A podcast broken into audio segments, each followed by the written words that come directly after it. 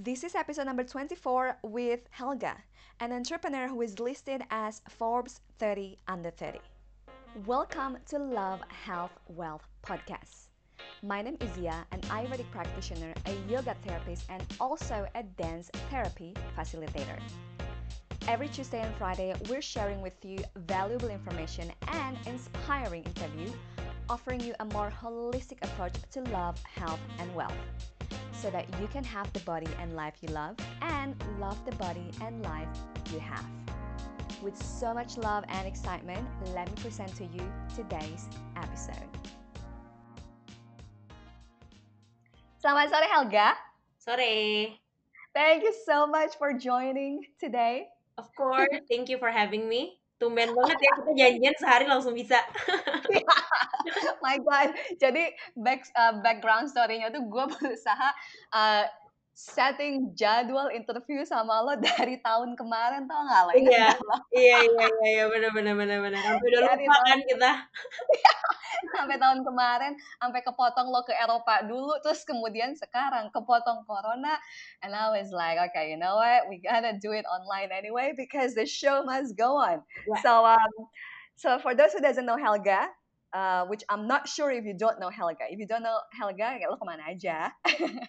Jadi Helga ini adalah um, secara official title co-foundernya Burgrins, co-foundernya Jeddah Wellness juga, and then co-founder dari The Boxer. But beyond all of those titles and all of those awards and achievement and uh, Forbes 30 under 30 and uh, Entrepreneur of the Year, all those things, basically, she is a power woman. Like seriously, gue nggak pernah ketemu uh, cewek Indonesia yang gue tahu personally ya, yang se when I say power, power oftentimes people can feel like it's a bad thing, mm. atau misalnya people in, feel intimidated, atau misalnya uh, they become overly powerful that is kind of like oh, I'm afraid atau gue yakin banyak yang afraid juga sama lo. Talk about later. But it's like you're still using that power for something good. Kayak bayangin analoginya kayak api. Api itu kan power.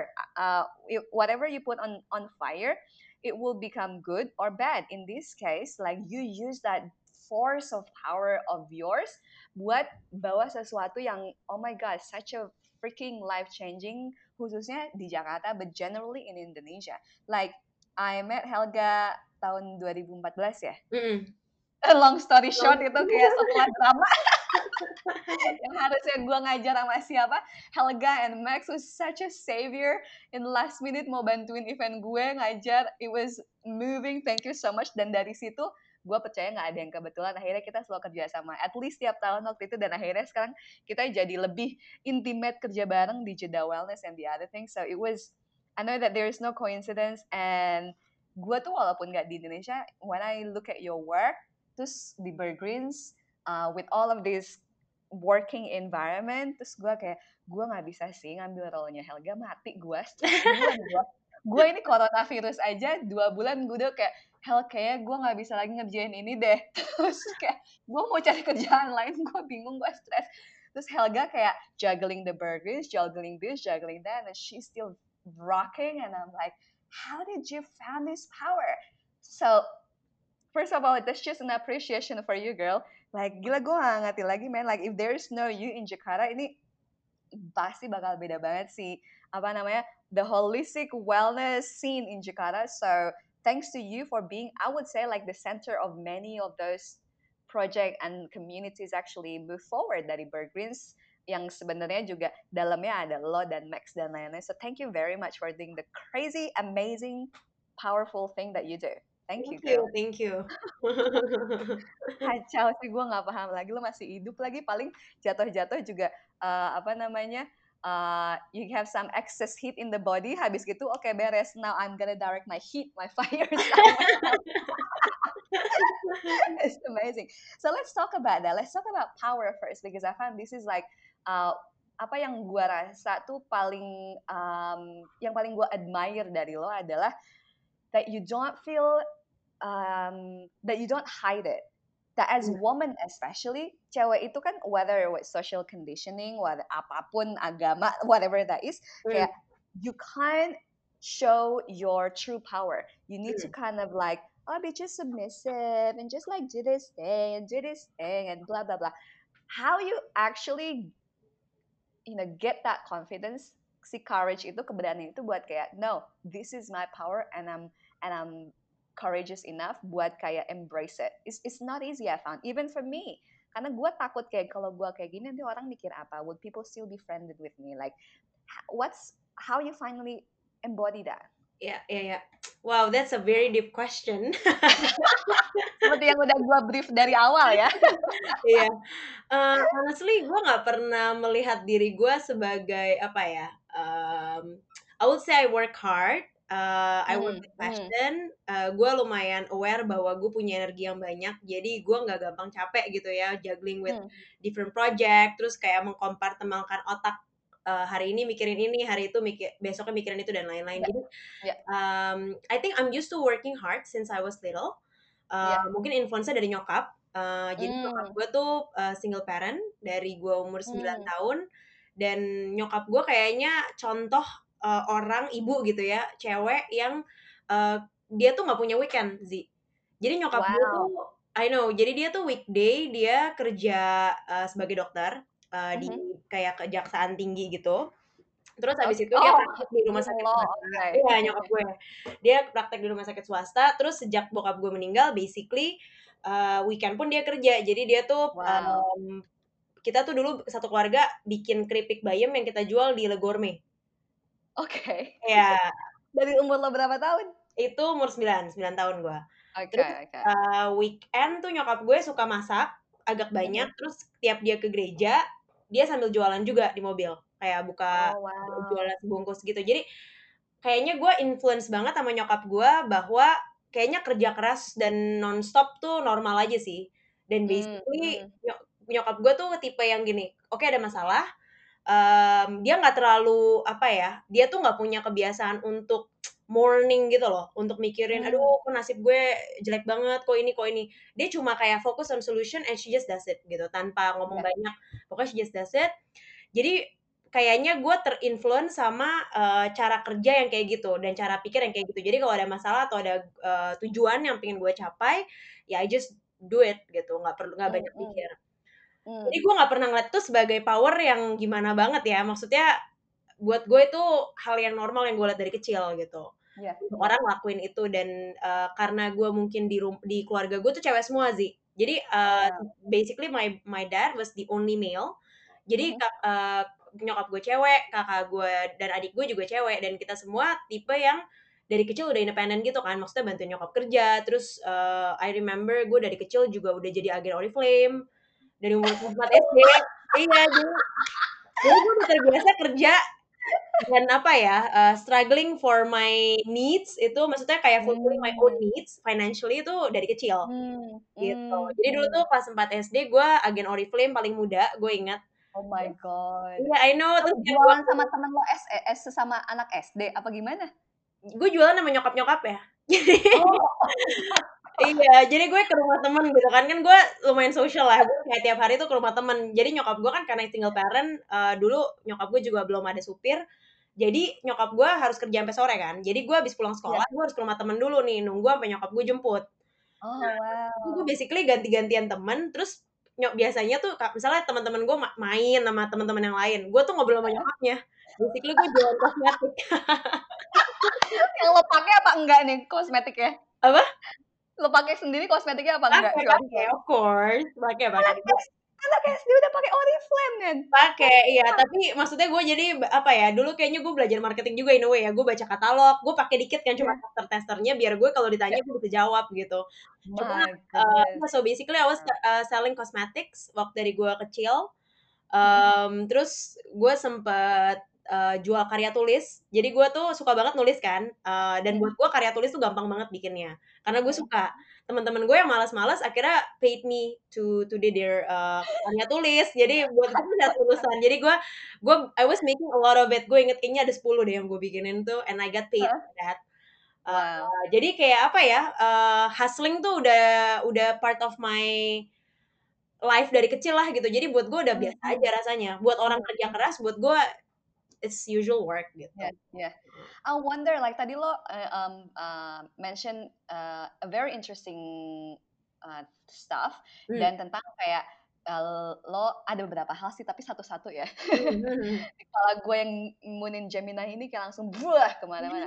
But the first thing is like lo mention tentang kayak uh, nyokap lo tuh kayak kalau misalnya ada unfortunate things misalnya Hmm. dia nggak victimizing herself nggak kayak uh, aduh hidup gue susah hidup gue aduh gimana nih whatever that is especially as a single parent Ya. tapi kan sebenarnya emosi tetap ada kan like when you feel frustrated you still feel that nah sekarang kan lo yang sekarang beda lo kan dikelilingi sama uh, terapis-terapis yang bisa ngebantu lo ex- uh, releasing that Yeah. um, how how is the process until uh, from the perspective of like no don't feel the emotion Yeah. suppressing it Yeah. sama kayak oh actually ada sebuah uh, benefit tersendiri untuk sebenarnya uh, I'm not victimizing myself tapi juga bukan berarti disuppress. Um, karena buat gue sendiri it's actually really difficult. Kayak gue sering ngerasa I'm angry because I'm angry. Karena gue nge-label rasa marah itu marah itu sebagai rasa yang negatif. Atau gue Hmm. merasa sedih karena gue ngerasa sedih. Jadi kayak ada inception of emotion. So what was your process to like embrace the emotion uh, Hmm. karena kan emosi tetap exist and and and be okay with it and heal that Yeah. so that you can still uh, apa namanya navigate throughout your life Iya, iya. Nah, nyokap gue tuh definitely suppressing her emotion sih. Karena dulu, Hmm. honestly, nyokap gue, gue nggak pernah liat nyokap gue mourning. Maksudnya, nyokap gue tuh banyak kemalangan, nggak pernah kelihatan gitu loh. Kayaknya kayak Hmm. kuat aja, besok kerja lagi, biasa aja, nggak ngomongin feeling, nothing gitu. Jadi, Hmm. kayaknya mungkin gue pick up itu juga ya, eh, dari kecil. Hmm. Tapi gue lumayan sadar bahwa kayaknya there is something yang nggak beres di dalam gitu. Hmm. Eh, saat gue mungkin gue tuh em, gue ke, ke Belanda kan gue tinggal sendiri di Belanda Mhm. terus em, I noticed that well I've been having uh, anger management issue lah dari kecil Mhm. cuma kan dulu nggak aware ya bahwa ini tuh masalah gitu cuma taunya pokoknya gue gampang marah kan kita Mhm. dulu tuh kalau belum paham tentang ini mikirnya oh itu emang tabiat gue aja orangnya gampang marah gitu kan. Apalagi Mhm. bokap gue juga gampang marah. Jadi orang selalu bilang kayak oh ya itu temperamen yang turun dari orang tua gitu. Jadi, iya. jadi gue pikir itu normal uh, sampai gue mungkin di Belanda sendiri. Terus basically uh, gue kan pacaran sama si Max kan. Nah uh, di situ mungkin pertama kali gue ngeliat kok ada orang yang damai banget hidupnya. Jadi literally happy happy aja tiap hari kayak ada masalah biasa aja. Maksudnya ada hal misalnya kayak kalau misalnya ada masalah buat gue tuh emotionnya ada rasanya lumayan intens gitu ya. Cuma buat Iya, gue ini normal kayak apa ya orangnya tuh kalem banget. Jadi kalau misalnya ibarat air tuh riaknya gini apa tenang sedangkan kalau gue reak emosinya tinggi apa eh, apa tinggi naik turun jadi kayak kalau ombaknya tuh besar sama kecil gitu loh mhm, mhm. So dari situ gue mulai berpikir sih tentang kayaknya mungkin rasa gampang marah yang gue rasakan itu bukan tabiat, tapi Hmm. mungkin efek dari uh, emotions yang gue nggak face dari kecil, nggak gue manage gitu. Ya. Gitu. Dari situ sih sebenarnya gue gue lumayan kayak udah ada awareness lah, terus uh, belajar. Maksudnya kan si Max waktu itu at that time uh, mulai untuk belajar meditasi, reiki gitu-gitu. Jadi I Ya, think it was ya. really the first time di mana gue kayak exposed to apa ya emotional healing. Maksudnya gue baru tahu bahwa emotional healing exist. Dulu tuh nyokap gue soalnya kan approach-nya religious banget kan. Jadi adanya tuh kayak retret luka batin di mana lo berdoa di puncak. Tiga hari gitu. Terus berdoa terus tapi I just don't feel anything gitu. Gue udah berapa kali diajak nyokap gue gitu kan ke sana I just didn't feel anything sampai mungkin approach-nya uh, Max yang waktu belajar meditation terus kayak mengamati emosi dan lain-lain itu gue pas gue coba gue lumayan merasakan sesuatu tapi I Hmm. wouldn't say that resolve uh, my my emotional issues um, sampai gue tuh um, balik ke Jakarta nih dari Belanda jadi dari Mhm. di Belanda honestly maksudnya meskipun secara emotion gue intens gitu ya merasakan emosional yang intens tapi nggak pernah jadi problem sampai gue Hmm. balik ke Jakarta uh, which uh, kayaknya gue deket lagi sama sumber stres gue terus Hmm. di situlah gue merasa kok anger management issue gue ada lagi gitu padahal waktu di Belanda udah nggak Hmm. ada gitu kan so Hmm. kayaknya waktu itu uh, di situ gue titik baliknya tuh pada saat Max mutusin gue kayaknya jadi gue sempat diputusin Awesome. Buset, I didn't know about Iya, gue sempet putus gara-gara basically dia tuh bingung kayak, "Gila kamu tuh kenapa ya, kok marah-marah terus?" Gitu. Gue juga bingung Ah. kan, gue juga bingung kenapa gue marah-marah terus at the time. Terus akhirnya gue Oh. jadi kayak merasa, "Gila kayaknya I have to work on this issue nih, gue nggak bisa diemin lagi." Karena, eee, it's basically apa ya, eee, repelling the people that I care about gitu kan. Ya nggak enak Hmm. lah ya lo punya relationship sama orang yang gampang marah, tapi gue sendiri sebagai orang yang gampang marah, I don't understand why I had such anger, eee, apa ya, such, Mmm. so so much anger gitu kan. Ya. Terus gue mulai, eee, belajar self healing, gue mulai belajar self healing, mmm, ke terapis gitu dan di situ baru gue tahu bahwa, oh ternyata my anger issue itu rooted dari, eee, childhood experience yang emotion-emotion-nya gue suppress yang lo bilang tadi itu. Ya Jadi ya. tidak merasakan dan hanya mengubur ternyata hal yang sangat beracun gitu untuk Iya untuk, iya. eee, apa namanya, emotional health kita. Jadi kayak ticking bomb lah basically dan Ya waktu gue ya. marah itu, eee, sampai marahnya marah banget itu karena, eee, basically itu apa ya, kayak gelasnya udah penuh banget. Jadi sebegitu Ya. dituang dikit, ya senggol bacok lah gitu ibaratnya ya. Gitu. Jadi, eee, dari situ gue belajar lah bahwa, oh berarti gue harus kayak work on my emotional issues layer by layer sampai sebisa mungkin mungkin nggak bisa kosong kali ya, cuma Hmm. se sedikit mungkin, sebanyak mungkin lah yang gue kerjain, supaya basically kalau ada masalah, gue nggak terlalu reaktif gitu. Ya Karena basically tangki emosinya udah cukup, eee, kosong untuk ada emosi baru muncul, habis itu kita manage lagi gitu. Ya Dari situ sih kayaknya, eee, that was the time when I started working on, mmm, healing my emotional issues lah. Ya. Gitu. Ada hubungannya nggak dengan si emotional, eee, issue ini dengan misalnya kesehatan, eee, fisik lo? Karena it is very interesting karena masih banyak orang yang belum melihat keterikatan keduanya, begitupun dengan gue beberapa tahun yang lalu, Mmm. eee, yang kayak, "Hah, emang kalau gue marah ada hubungannya sama jerawat? Emang kalau gue marah atau sedih ternyata ada hubungannya sama skoliosis gue?" Like makanya se sekarang gue cerita sama orang pun orang masih kayak, "Really? Wow, that's amazing, I didn't knew that." So Iya. what was your experience about hubungan antara, eee, emotional issue with physical issue? Ya. Gue lumayan I would say gue diberkati gue punya eczema sih, which is triggered by stress. Jadi setiap Mmm. gue ngerasa stres yang di luar batas normal, eczema gue kambuh. Mmm. Gitu. Nah dulu eczema gue tuh waktu kecil whe when I had that dulu gue juga nggak nggak nggak paham koneksinya ya. Ya. Jadi waktu gue kecil, eee, kan I had severe eczema.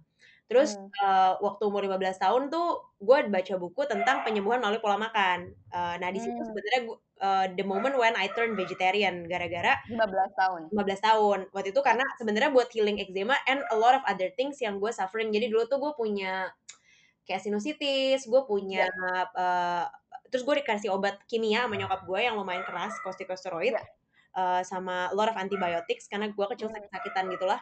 Nah tapi, eee, ternyata efek sampingnya buat tubuh itu kan kayak apa ya, menaikkan toxicity di dalam tubuh kan kalau lo konsumsi, eee, jangka panjang.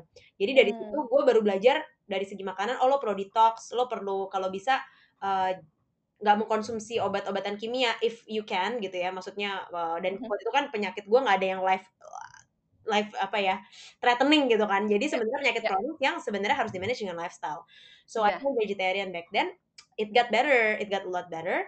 Tapi I realize, eee, bahwa dengan food trigger gue yang tadinya kan gue banyak makan yang men-trigger si eczema itu. Begitu gue udah Mhm. ditch all the things yang men-trigger, eee, eczema gue dari segi makanan, udah membaik, tapi I realize it's never gone gone 100%. Iya Membaik iya. banget, tapi pada saat gue lagi merasa angry, merasa anxious, itu muncul lagi. Nah jadi gue Mmm. udah lumayan aware bahwa, oh berarti eczema gue ini triggered by stress.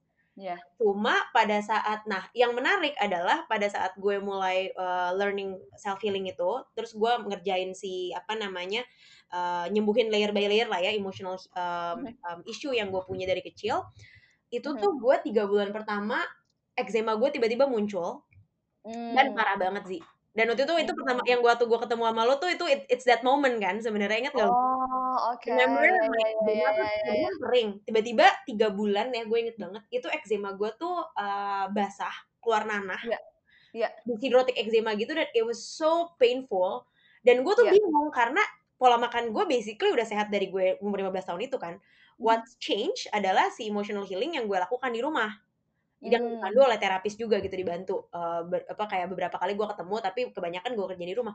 Cuma kok gue sakit, maksudnya malah eczema gue muncul lagi dan lebih heboh. Nah, akhirnya Hmm. gue tidak mendapatkan gue ke dokter kulit segala macam dan gue tidak mendapatkan jawaban karena obviously Mhm. they had no idea about the relationship between emotion Iya, dan eczema, bahkan banyak yang nggak tahu itu eczema. Terus udah gitu si terapis gue tuh ngeh, jadi terapis gue bilang, "Ini tuh kayak healing crisis lah, di mana, eee, emotion kita emotion lu tuh di apa namanya, disimpan sama tubuh lu. Iya. Di saat lo, eee, detoxing your emotional, mmm, issues, Iya. ada manifestasi di penyakit."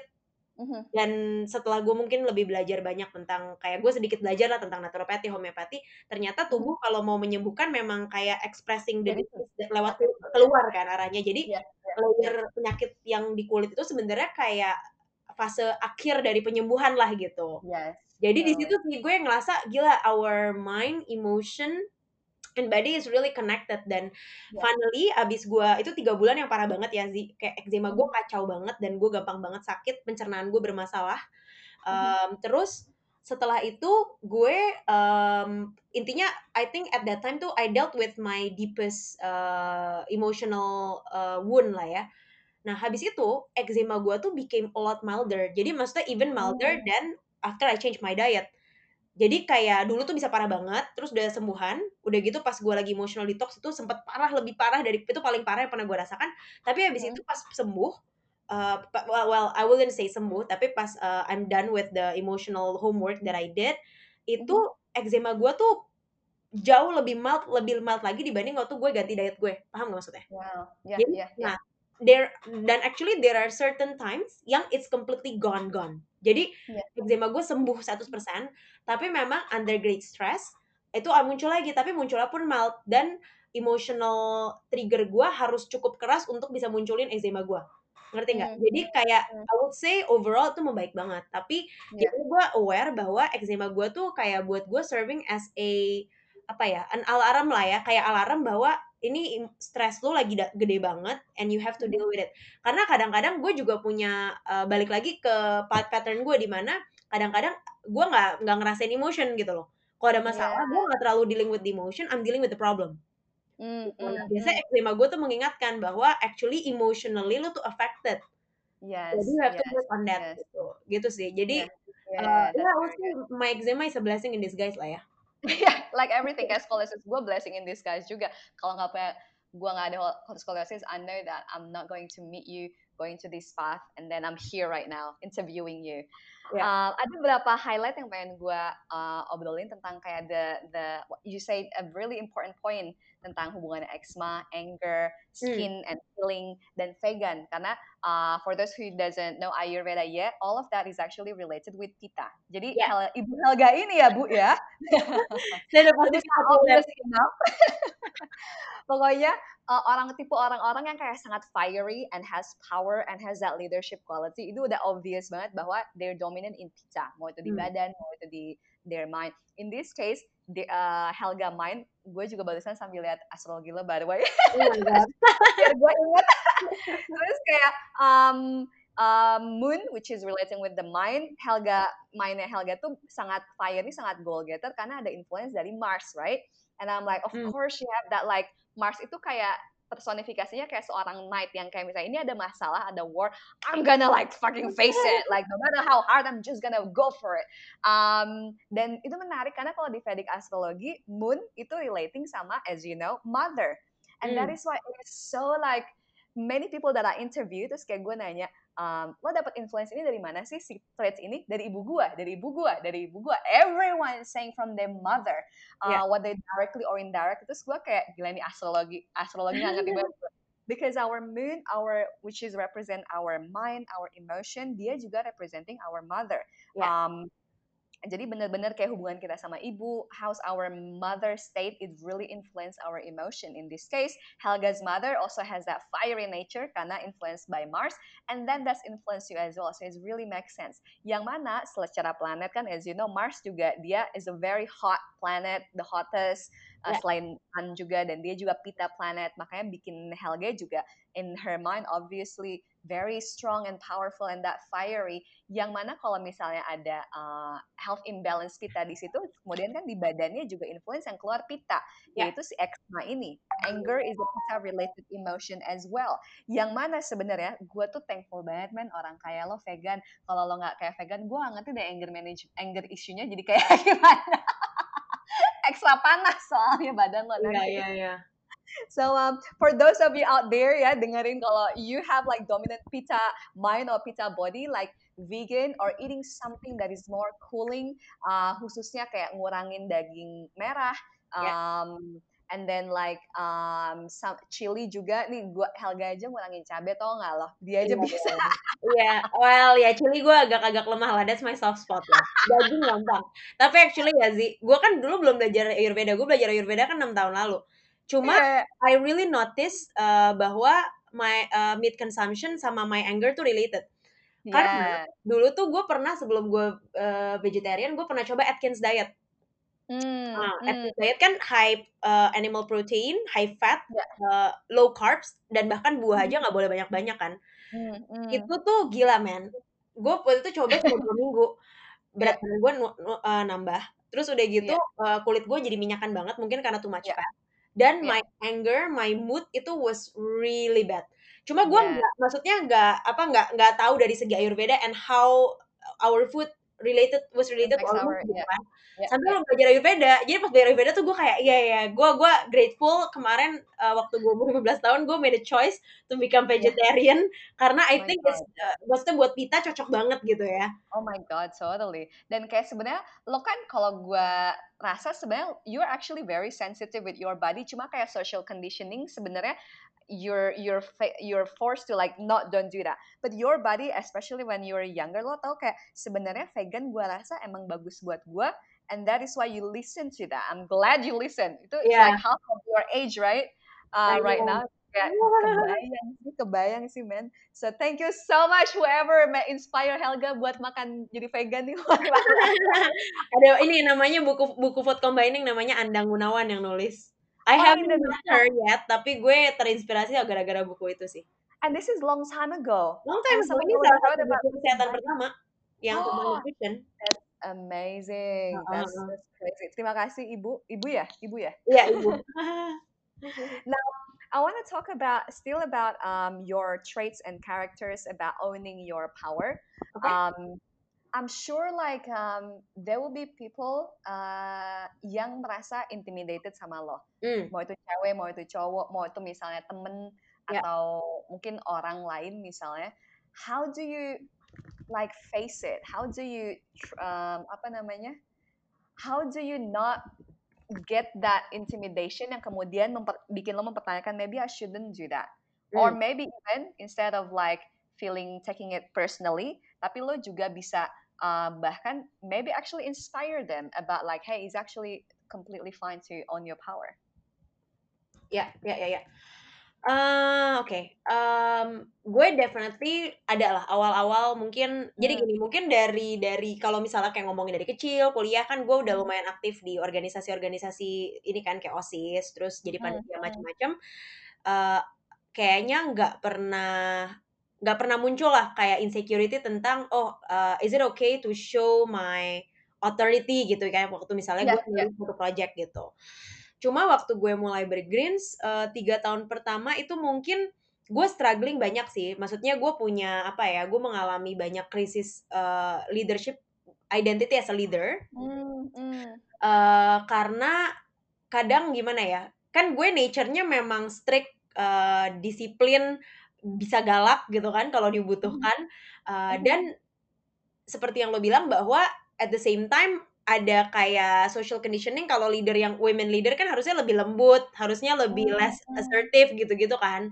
Hmm. Uh, dan dan lucunya biasanya yang lebih judging ke cewek leader uh, female leader tuh cewek bukan cowok. Wow. Wow. Iya, dan itu gue yang itu yang gue alamin lah ya tiga tahun pertama. Jadi I was struggling kayak gue memposisikan diri gue uh, sebagai leader yang seperti apa. Terus udah gitu kayak hmm. should I embrace uh, my whole personality atau gue harus kayak menemukan compromise dengan apa yang society atau orang-orang sekitar gue expect hmm. dari seorang hmm. female leader gitu kan Ya. Um, gue lumayan banyak lah uh, apa namanya and I think uh, the self healing practice that I learn uh, TAT Ya. gue belajar itu membantu gue melalui banyak uh, self doubt maksudnya keraguan ya Hmm. kayak ini gue bener gak sih maksudnya am I a good leader uh, should I do this Hmm. is it correct Hmm. gitu kan Uh, cuma at the end setelah gue uh, working on that insecure on those insecurities basically gue nemuin bahwa ya sebenarnya sih ketakutan-ketakutan gue berakar pada gue takut tidak diterima kalau gue menjadi diri gue sendiri sama orang lain. Hmm. Nah, Hmm. jadi gue belajar untuk uh, menerima bahwa fakta bahwa uh, nggak semua orang akan suka sama lo. Maksudnya if you're Ya. being yourself, pasti ada orang yang Ya. suka sama lo, ada orang yang nggak suka sama lo. Ya, Kalau lo jadi people pleaser, uh, you're the Hmm. only one that isn't happy, isn't going to be happy kan? Hmm. Karena lo harus Hmm. berpura-pura basically menjadi sesuatu atau seseorang yang bukan lo 100%. Tapi Ya. obviously uh, menjadi diri kita, mengembrace diri kita, tapi juga dengan awareness bahwa kita juga punya kelemahan yang kita harus work on. Ya. Especially kan um, as I'm leading a growing organization kan orang yang gue lead lebih banyak, makin banyak. Kayak dulu Hmm. mungkin gue lead pertama tiga orang, pas Hmm. Mulai, sekarang gue lead 150 orang gitu. Obviously my leadership skill, my communication skill, my emotion emotional management skill juga harus improve dengan segitu Ya. banyak orang. Kalau misalnya gue maksudnya mau membuat timnya bekerja dengan efektif gitu kan dan harmonis. Jadi um, I would say um, eh, ya gue sih mungkin belajar embrace uh, your whole self gitu ya, bawa your whole self uh, ke area kerja. Uh, nggak nggak perlu takut dan insecure sama apa yang akan orang pikirkan tentang lu. Um, the right people will accept you for who you are, tapi tetap dengan awareness bahwa certain things yang memang kurang baik dari diri kita, uh, that's our homework to do.